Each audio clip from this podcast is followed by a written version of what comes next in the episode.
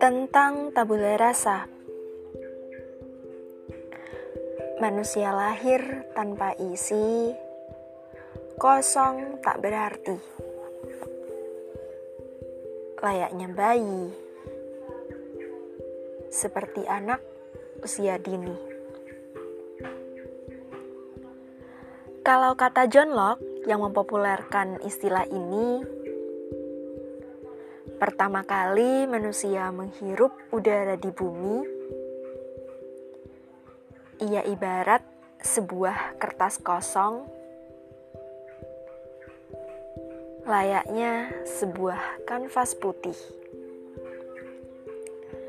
yang siap dicoret dengan berbagai pengalaman hidup dan jutaan pengalaman berarti dan jutaan pembelajaran berarti.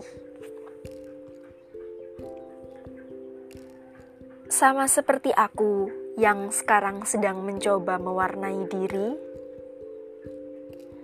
kamu bisa melukiskan apa pun dalam setiap perjalanan hidupmu. Kamu bisa memilih mau seperti apa warnamu. Kamu bisa memilih mau seperti apa lukisanmu. Tentu,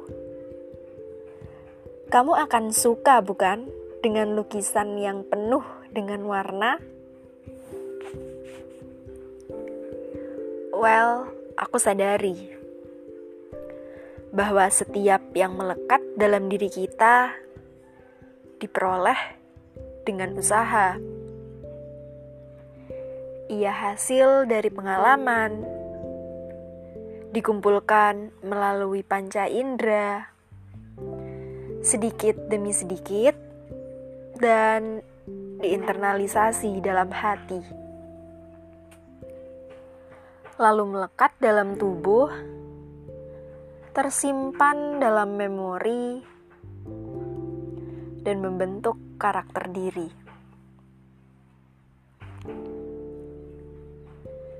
Dari sini kamu akan tahu. Dari sini kamu harus tahu. Jangan ada kata minder atau tidak percaya diri akan kemampuan yang kamu miliki kamu bisa lebih kok jika kamu mau mencoba, jika kamu mau berbuat, dan jika kamu mau mengasah. Karena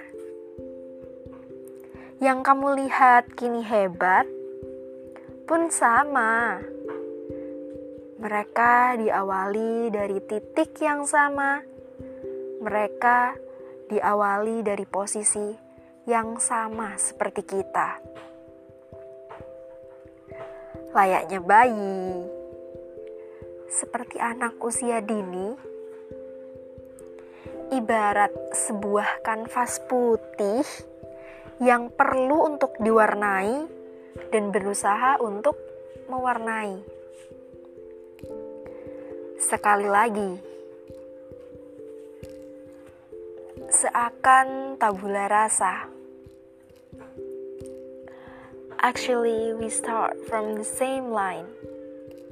But to reach a different finish line, we have to try. Don't give up and learn by the process.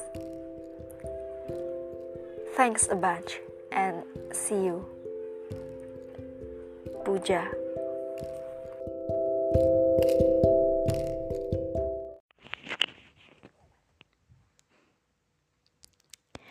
Jiwa tidak akan memiliki pelangi jika mata tidak memiliki air mata.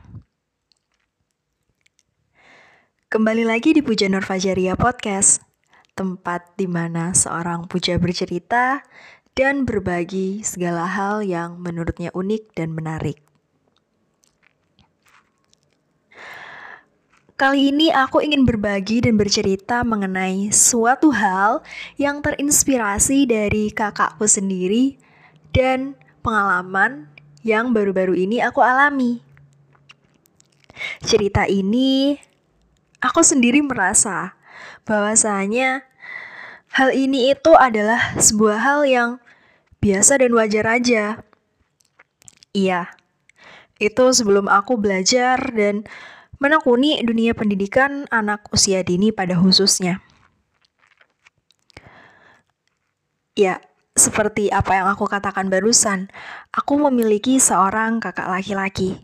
Dan aku rasa nih ya, kakakku adalah salah satu dari sekian banyak laki-laki di dunia yang pasti juga pernah merasakan hal ini setidaknya satu kali dalam hidupnya.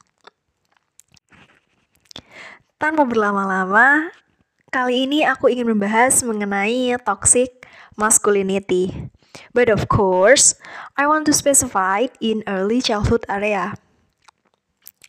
Hari ini aku ingin mencoba mengupas sedikit mengenai suatu hal yang kalau kamu sudah tahu sebelumnya, toxic masculinity ini, aku berharap kamu bisa mendengarkan kembali dan semoga apa yang kamu dengarkan bisa kembali menguatkan apa yang kamu ingat. Dan kalau kamu belum pernah mendengar mengenai hal ini sebelumnya, semoga penjelasanku bisa diterima, semoga ceritaku bisa bermanfaat bagimu. Well, aku sebenarnya sudah pernah menulis mengenai hal ini di akun Kompasiana milikku. Namun, aku mendapatkan trigger untuk membahasnya kembali di podcast kali ini. Karena aku merasa perlu untuk membahasakan dari yang awalnya bahasa tulisan menjadi bahasa lisan gitu. Dari yang awalnya bahasa yang hanya bisa dimakna dengan dibaca menjadi bahasa yang bisa didengar dan dirasa. Izinkan aku bercerita ya. Sepekan yang lalu, aku mendapatkan kesempatan untuk menghabiskan waktu selama kurang lebih satu pekan di ibu kota dan sekitarnya. Aku memiliki salah satu kebiasaan di mana aku suka sekali menganalisa, belajar, melihat segala sesuatu yang ada di sekitarku dan aku jadi kepikiran sampai aku menemukan jawaban atas apa yang aku resahkan. Dan well, yang aku resahkan kali ini, yang ingin aku bagikan kali ini adalah terkait kejadian yang aku alami berkaitan dengan toxic masculinity sejak dini yang ada di Indonesia atau bahkan bisa jadi ada juga di dunia kayak gitu ya. Aku ingin memention dua buah kejadian di mana waktu itu yang pertama aku sedang berada di daerah Kemang Selatan. Waktu itu sedang gerimis, aku aku berada di dalam mobil gitu. Di luar ada seorang anak usia dini. Aku tebak sekitar, aku kira-kira umurnya sekitar lima tahun.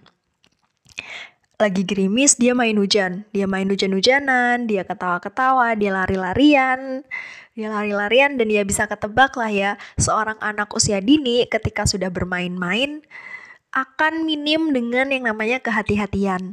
Akhirnya lagi asik lagi asik-asik main gitu. Aku ngelihat dari dalam mobil sambil entah kenapa aku juga ikut tertawa melihat pemandangan yang sedang aku lihat. Tiba-tiba si anak jatuh. Si anak jatuh dan kerennya si anak ini nggak nangis. Dia bangun dia ngibas-ngibasin bersihin bajunya gitu biar nggak kotor. Kemudian sebelumnya aku gambarkan dulu mengenai positioningnya ya teman-teman. Aku berada di dalam mobil di luarku nih aku melihat seorang anak-anak lagi main-main dengan wajah yang menghadap ke kaca mobil yang which is di dalamnya ada aku Kemudian ketika si anak udah berdiri, yang awalnya dia nggak nangis, eh tiba-tiba ada teriakan dari belakang mamanya barangkali. Ya mamanya lah ya. Mamanya teriak tiba-tiba ayo jatuh. Laki-laki nggak boleh nangis, laki-laki nggak boleh nangis, kalau nangis jelek. Kan. Dan ya, well, coba tebak apa yang kemudian terjadi ketika mamanya bilang laki-laki nggak boleh nangis. Aku melihat ada perubahan ekspresi di mana si anak yang awalnya dia nggak nangis, emang nggak memiliki tanda-tanda ekspresi hendak nangis, ketika diteriaki seperti itu, dia kemudian nangis.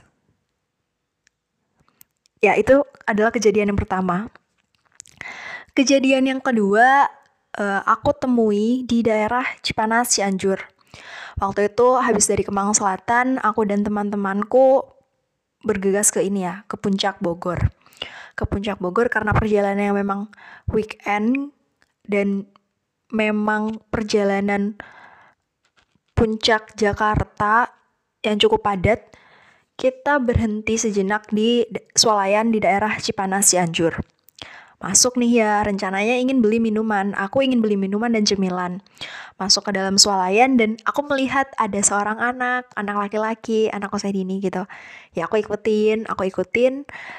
Dan si anak ini berhenti di depan box es krim. Box es krim, kemudian dia narik-narik mamanya. Mama, mama, aku mau es krim, katanya gitu. Kemudian mamanya bilang, enggak, enggak, enggak, enggak ada es krim, es krim. Kemudian si anak bilang satu aja ma gitu. Terus mamanya bilang jangan, udah nggak usah makan es krim nanti giginya bolong katanya. Dan ya si anak kemudian hendak mewek, aku lihat, aku intip, dia hendak mewek. Kemudian si mamanya bilang, lo dia jelek, jangan nangis, laki-laki nggak boleh nangis kan. Dan Well, karena yang awalnya mewek terjadi dia menangis, si anak laki-laki ini menangis semakin kencang kayak gitu sampai akhirnya dibawa ke luar swalayan oleh mamanya. Setelah melihat kejadian itu, aku ke kasir, aku bayar, kemudian kembali ke mobil melanjutkan perjalanan ke daerah puncak. Di dalam mobil, aku kepikiran dari dua kejadian ini, dari dua kejadian di hari yang sama, di momen yang berbeda, yang satunya di Kemang Selatan, kemudian yang satunya lagi daerah Cipanas, aku jadi kepikiran tentang masa kecil kakakku sendiri gitu. Kakakku kan laki-laki. Well, dari dua momen yang aku alami ini, aku kepikiran tentang jangan-jangan masku, kakak laki-lakiku ini adalah salah satu korban juga dalam tanda kutip, korban dalam tanda kutip hasil dari kedua orang tuaku yang memang aku yakini sendiri bahwa kedua orang tuaku bukan kemudian orang tua yang sadar mengenai parenting education. Aku coba nginget-nginget gitu, samar-samar aku flashback. Iya ya, kayaknya masku dulu sering banget diteriakin kayak gini sama orang tuaku. Ketika orang tua kita ketika si mama si masku si kakakku ini main sepeda kemudian jatuh sering banget diingatanku aku mengingat bahwasanya si ini ibuku itu teriak-teriak gitu nggak entah yang nggak boleh nangis lah kalau nangis jelek terus laki-laki tuh nggak boleh lemah dan lain-lain kayak gitu. yang mana ini membentuk kepribadian masku yang saat ini sepertinya. Jadi masku ini adalah sosok kepribadiannya nih kaku gitu. Kaku dan cukup keras. Ya aku menyadari sih bahwasanya hal itu ya barangkali ini adalah salah satu alasan gitu. Alasan meng mengapa kakakku terbentuk kepribadiannya seperti ini karena dia menjadi korban toxic masculinity sejak dini eh istilah. Bahasanya istilahnya seperti itulah ya sederhananya secara sederhananya um, balik lagi tuh kepada topik dari sini aku menyadari gitu bahwasanya toxic masculinity memang masih menjadi salah satu momok yang akrab dengan kehidupan banyak anak di Indonesia atau bahkan di dunia saat ini. Kalau kamu belum mengetahui mengenai apa itu toxic masculinity, toxic masculinity ini sendiri adalah um, suatu hal yang sederhananya berkaitan dengan norma-norma tentang bagaimana laki-laki harusnya berperilaku. Dan sayangnya nih ya, hal ini bisa berbahaya untuk diri si anak laki-laki tadi dan orang-orang yang ada di sekitarnya. Ya balik lagi ke contoh gitu ya teman-teman Yang aku mention tadi Misalkan seorang anak laki-laki menangis Terus dibilang Loh laki-laki kok nangis? Hal ini bukannya bikin si anak nggak nangis Tapi malah men-trigger dia untuk nangis. Dan ya ketika udah nangis Biasanya nih akan ditimpali dengan kata-kata yang lebih parah lagi. Kayak laki-laki nggak boleh nangis Atau laki-laki nggak boleh lemah gitu dong gitu.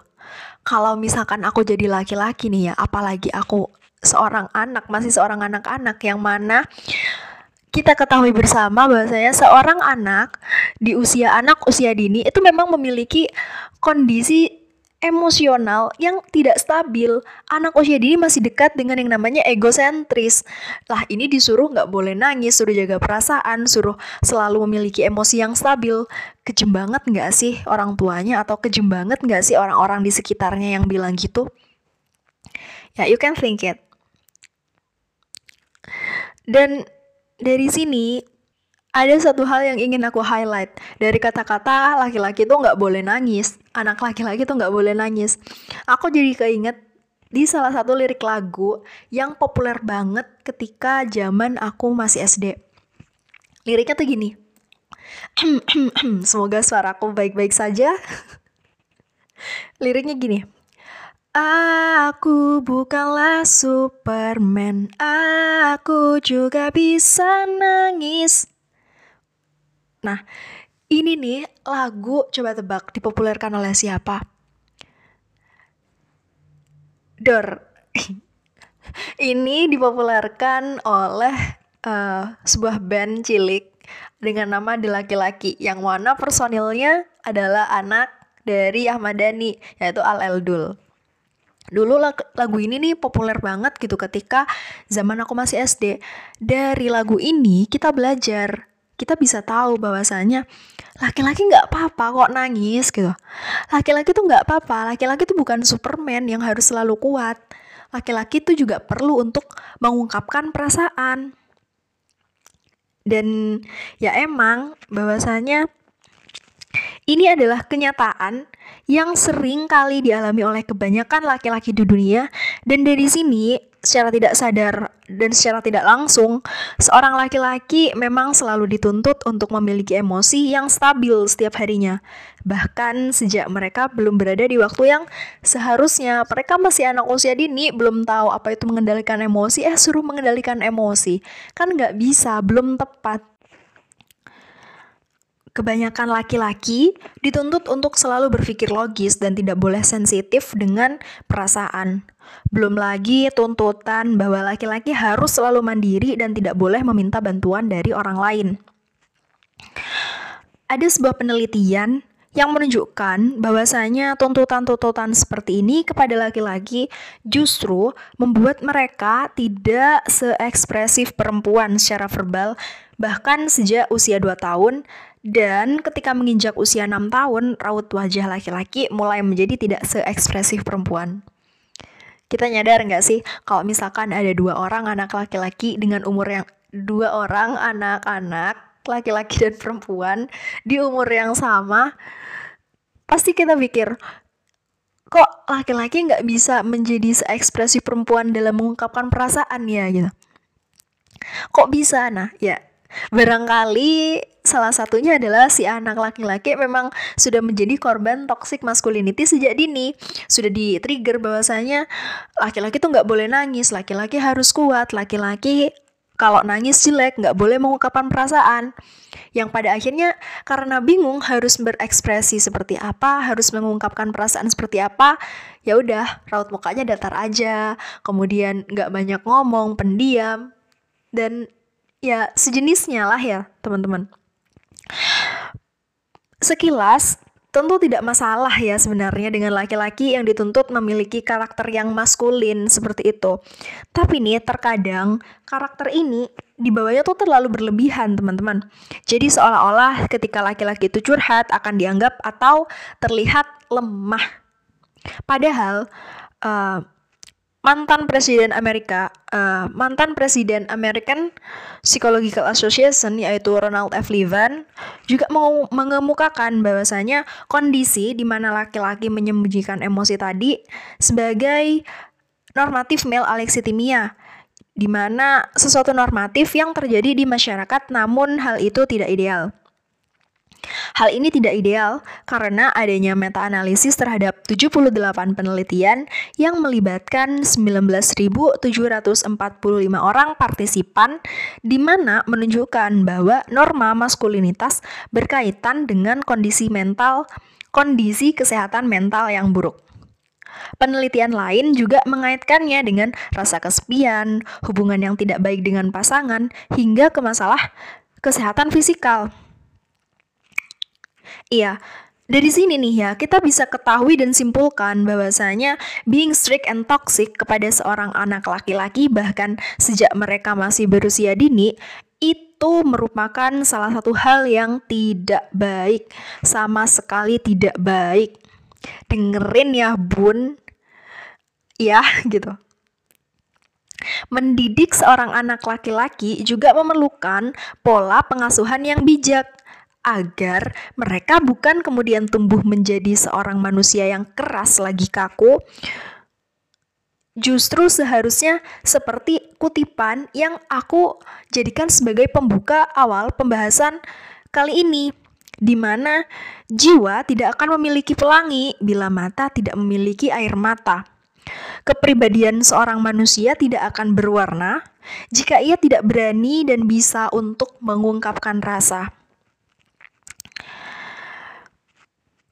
Ini memang perlu untuk disadari dan diketahui oleh terakhir aku hanya ingin berpesan. Teruntuk kamu yang barangkali sekarang sudah menjadi orang tua atau kamu yang sedang berada di proses menuju ke sana kamu yang saat ini mendengarkan apa yang aku bahas, apa yang aku bahasakan, apa yang aku ceritakan. Didiklah anak kita dengan cinta. Tidak terlepas ia pria atau wanita. Ajarkan mereka cara menjalani dan menikmati hidup dengan bahagia, bukan malah sebaliknya.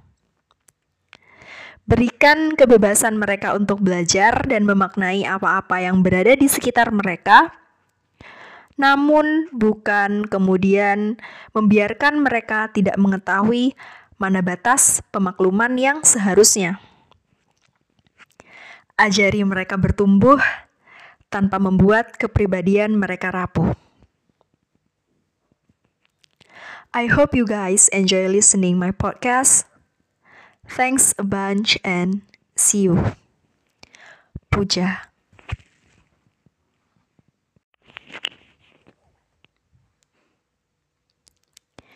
Jiwa tidak akan memiliki pelangi jika mata tidak memiliki air mata. Kembali lagi di Puja Nur Fajaria Podcast, tempat di mana seorang puja bercerita dan berbagi segala hal yang menurutnya unik dan menarik. Kali ini aku ingin berbagi dan bercerita mengenai suatu hal yang terinspirasi dari kakakku sendiri dan pengalaman yang baru-baru ini aku alami. Cerita ini aku sendiri merasa bahwasanya hal ini itu adalah sebuah hal yang biasa dan wajar aja. Iya, itu sebelum aku belajar dan menekuni dunia pendidikan anak usia dini pada khususnya. Ya, seperti apa yang aku katakan barusan, aku memiliki seorang kakak laki-laki. Dan aku rasa nih ya, Kakakku adalah salah satu dari sekian banyak laki-laki di dunia yang pasti juga pernah merasakan hal ini setidaknya satu kali dalam hidupnya. Tanpa berlama-lama, Kali ini aku ingin membahas mengenai toxic masculinity. But of course, I want to specify in early childhood area. Hari ini aku ingin mencoba mengupas sedikit mengenai suatu hal yang kalau kamu sudah tahu sebelumnya, toxic masculinity ini, aku berharap kamu bisa mendengarkan kembali dan semoga apa yang kamu dengarkan bisa kembali menguatkan apa yang kamu ingat. Dan kalau kamu belum pernah mendengar mengenai hal ini sebelumnya, semoga penjelasanku bisa diterima, semoga ceritaku bisa bermanfaat bagimu. Well, aku sebenarnya sudah pernah menulis mengenai hal ini di akun Kompasiana milikku. Namun, aku mendapatkan trigger untuk membahasnya kembali di podcast kali ini. Karena aku merasa perlu untuk membahasakan dari yang awalnya bahasa tulisan menjadi bahasa lisan gitu. Dari yang awalnya bahasa yang hanya bisa dimakna dengan dibaca menjadi bahasa yang bisa didengar dan dirasa. Izinkan aku bercerita ya. Sepekan yang lalu, aku mendapatkan kesempatan untuk menghabiskan waktu selama kurang lebih satu pekan di ibu kota dan sekitarnya. Aku memiliki salah satu kebiasaan di mana aku suka sekali menganalisa, belajar, melihat segala sesuatu yang ada di sekitarku dan aku jadi kepikiran sampai aku menemukan jawaban atas apa yang aku resahkan. Dan well, yang aku resahkan kali ini, yang ingin aku bagikan kali ini adalah terkait kejadian yang aku alami berkaitan dengan toxic masculinity sejak dini yang ada di Indonesia atau bahkan bisa jadi ada juga di dunia kayak gitu ya. Aku ingin memention dua buah kejadian di mana waktu itu yang pertama aku sedang berada di daerah Kemang Selatan. Waktu itu sedang gerimis, aku aku berada di dalam mobil gitu. Di luar ada seorang anak usia dini. Aku tebak sekitar, aku kira-kira umurnya sekitar lima tahun lagi gerimis dia main hujan. Dia main hujan-hujanan dia ketawa-ketawa dia lari-larian. Dia lari-larian dan dia bisa ketebak lah ya. Seorang anak usia dini ketika sudah bermain-main akan minim dengan yang namanya kehati-hatian. Akhirnya lagi asik lagi asik-asik main gitu. Aku ngelihat dari dalam mobil sambil entah kenapa aku juga ikut tertawa melihat pemandangan yang sedang aku lihat tiba-tiba si anak jatuh. Si anak jatuh dan kerennya si anak ini nggak nangis. Dia bangun dia ngibas-ngibasin bersihin bajunya gitu biar nggak kotor. Kemudian sebelumnya aku gambarkan dulu mengenai positioningnya ya teman-teman. Aku berada di dalam mobil di luar nih aku melihat seorang anak-anak lagi main-main dengan wajah yang menghadap ke kaca mobil yang which is di dalamnya ada aku Kemudian ketika si anak udah berdiri, yang awalnya dia nggak nangis, eh tiba-tiba ada teriakan dari belakang. Mamanya barangkali.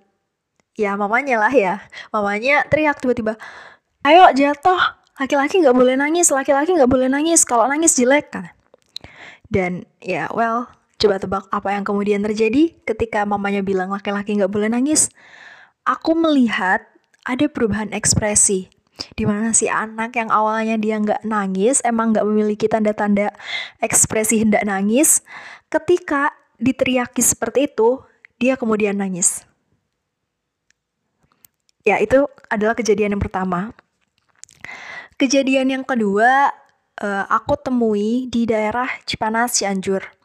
Waktu itu habis dari Kemang Selatan, aku dan teman-temanku bergegas ke ini ya, ke puncak Bogor ke puncak Bogor karena perjalanan yang memang weekend dan memang perjalanan puncak Jakarta yang cukup padat, kita berhenti sejenak di swalayan di daerah Cipanas Cianjur. Masuk nih ya, rencananya ingin beli minuman. Aku ingin beli minuman dan cemilan. Masuk ke dalam swalayan dan aku melihat ada seorang anak, anak laki-laki, anak usia dini gitu. Ya aku ikutin, aku ikutin. Dan si anak ini berhenti di depan box es krim. Box es krim, kemudian dia narik-narik mamanya. Mama, mama, aku mau es krim, katanya gitu. Kemudian mamanya bilang, enggak, enggak, enggak, enggak ada es krim, es krim.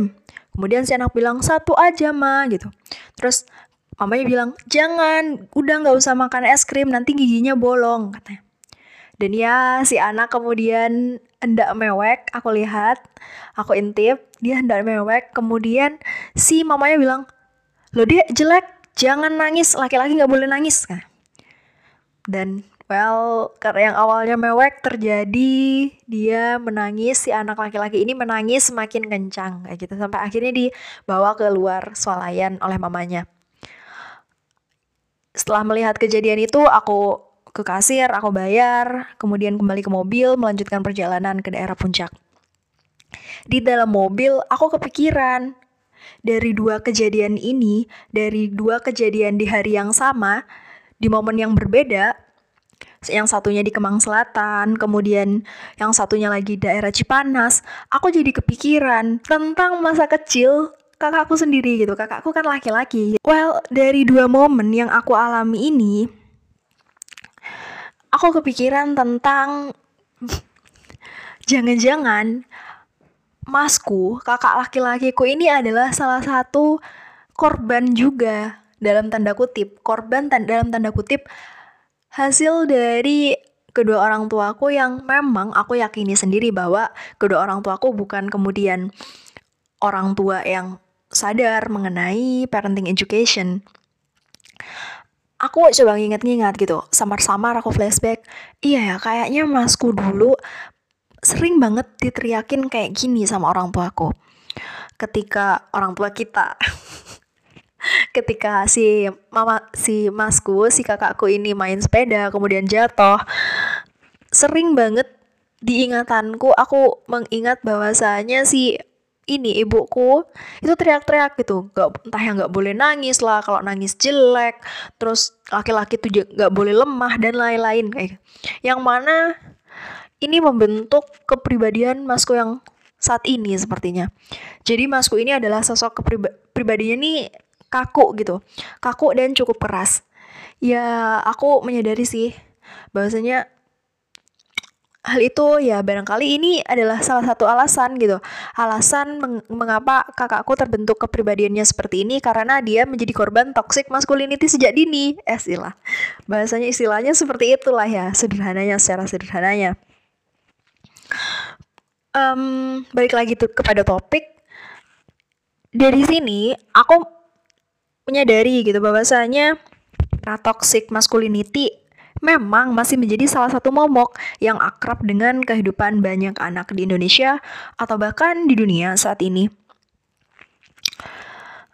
Kalau kamu belum mengetahui mengenai apa itu toxic masculinity, toxic masculinity ini sendiri adalah um, suatu hal yang sederhananya berkaitan dengan norma-norma tentang bagaimana laki-laki harusnya berperilaku.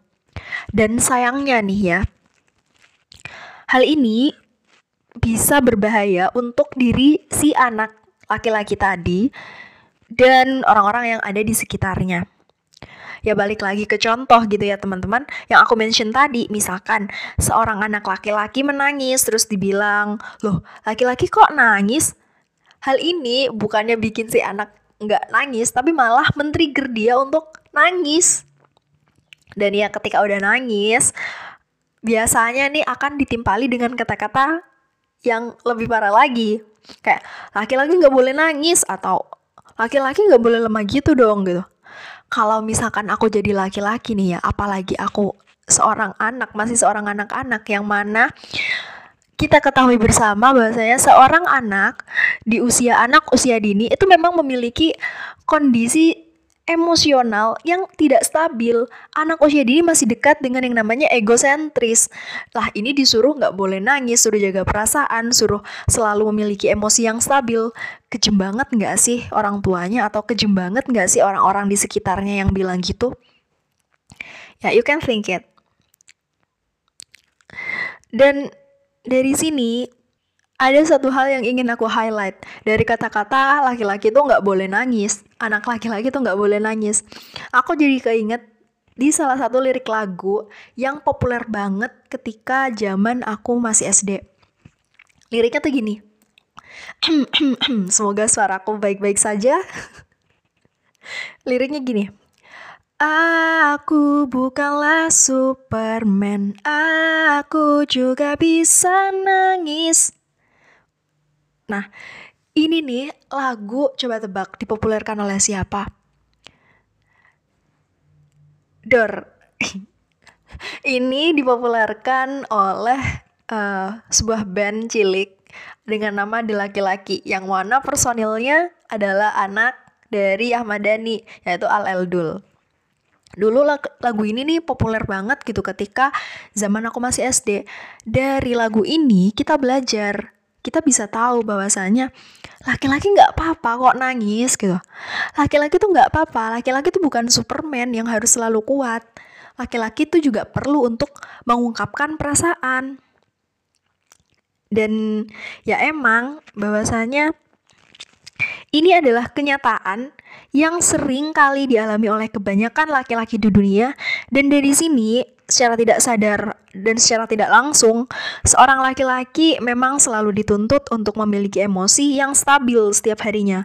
Bahkan sejak mereka belum berada di waktu yang seharusnya mereka masih anak usia dini, belum tahu apa itu mengendalikan emosi, eh suruh mengendalikan emosi. Kan nggak bisa, belum tepat. Kebanyakan laki-laki dituntut untuk selalu berpikir logis dan tidak boleh sensitif dengan perasaan. Belum lagi tuntutan bahwa laki-laki harus selalu mandiri dan tidak boleh meminta bantuan dari orang lain.